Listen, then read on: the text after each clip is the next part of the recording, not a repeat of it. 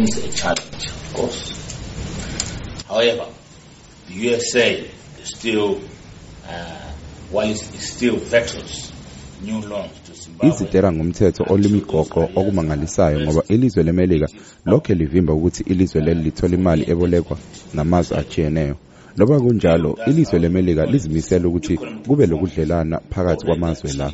Umthetho lo uyakusho ukuthi sokube le nguquko kwezomnotho elizweni njalo lokuthi kulabantu abaningi abavela kwale melika abakade bebona ukuthi siqhuba njani ukhetho lo ngumthetho esingeke sawulandela ngoba ngumthetho welinye ilizwe some of the issues it raises, e.g., rule of law and enjoyment of freedoms, have been ushered in by the new dispensation. okunye okuvezwa ngumthetho lo sesikwenzile okunjengokulandela imithetho yelizwe i-rule of law kanye lokuthi abantu bakhululeke. Sesikwenzile konke lokho.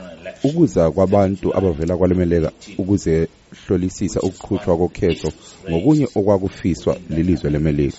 Sibavumele ukuthi babuye kwele zimbabwe ukwenza ukhetho olubalulekileyo kwenza ukuthi silandela okufiswa ngumthetho wezidera okunye njalo akumelanga udlakela olwaba khona kusanda ukwenziwa ukhetho ukuthi kubisele emuva konke lokho esesikwenzile esikufisayo ukuthi kwesulwe izijeziso zenotho The peaceful, free, fair, and credible elections, although being regretted.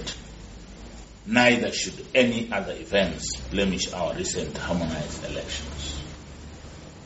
Therefore, the recently signed Zedera Amendment Act is unfortunate in that we would rather there were no restrictive measures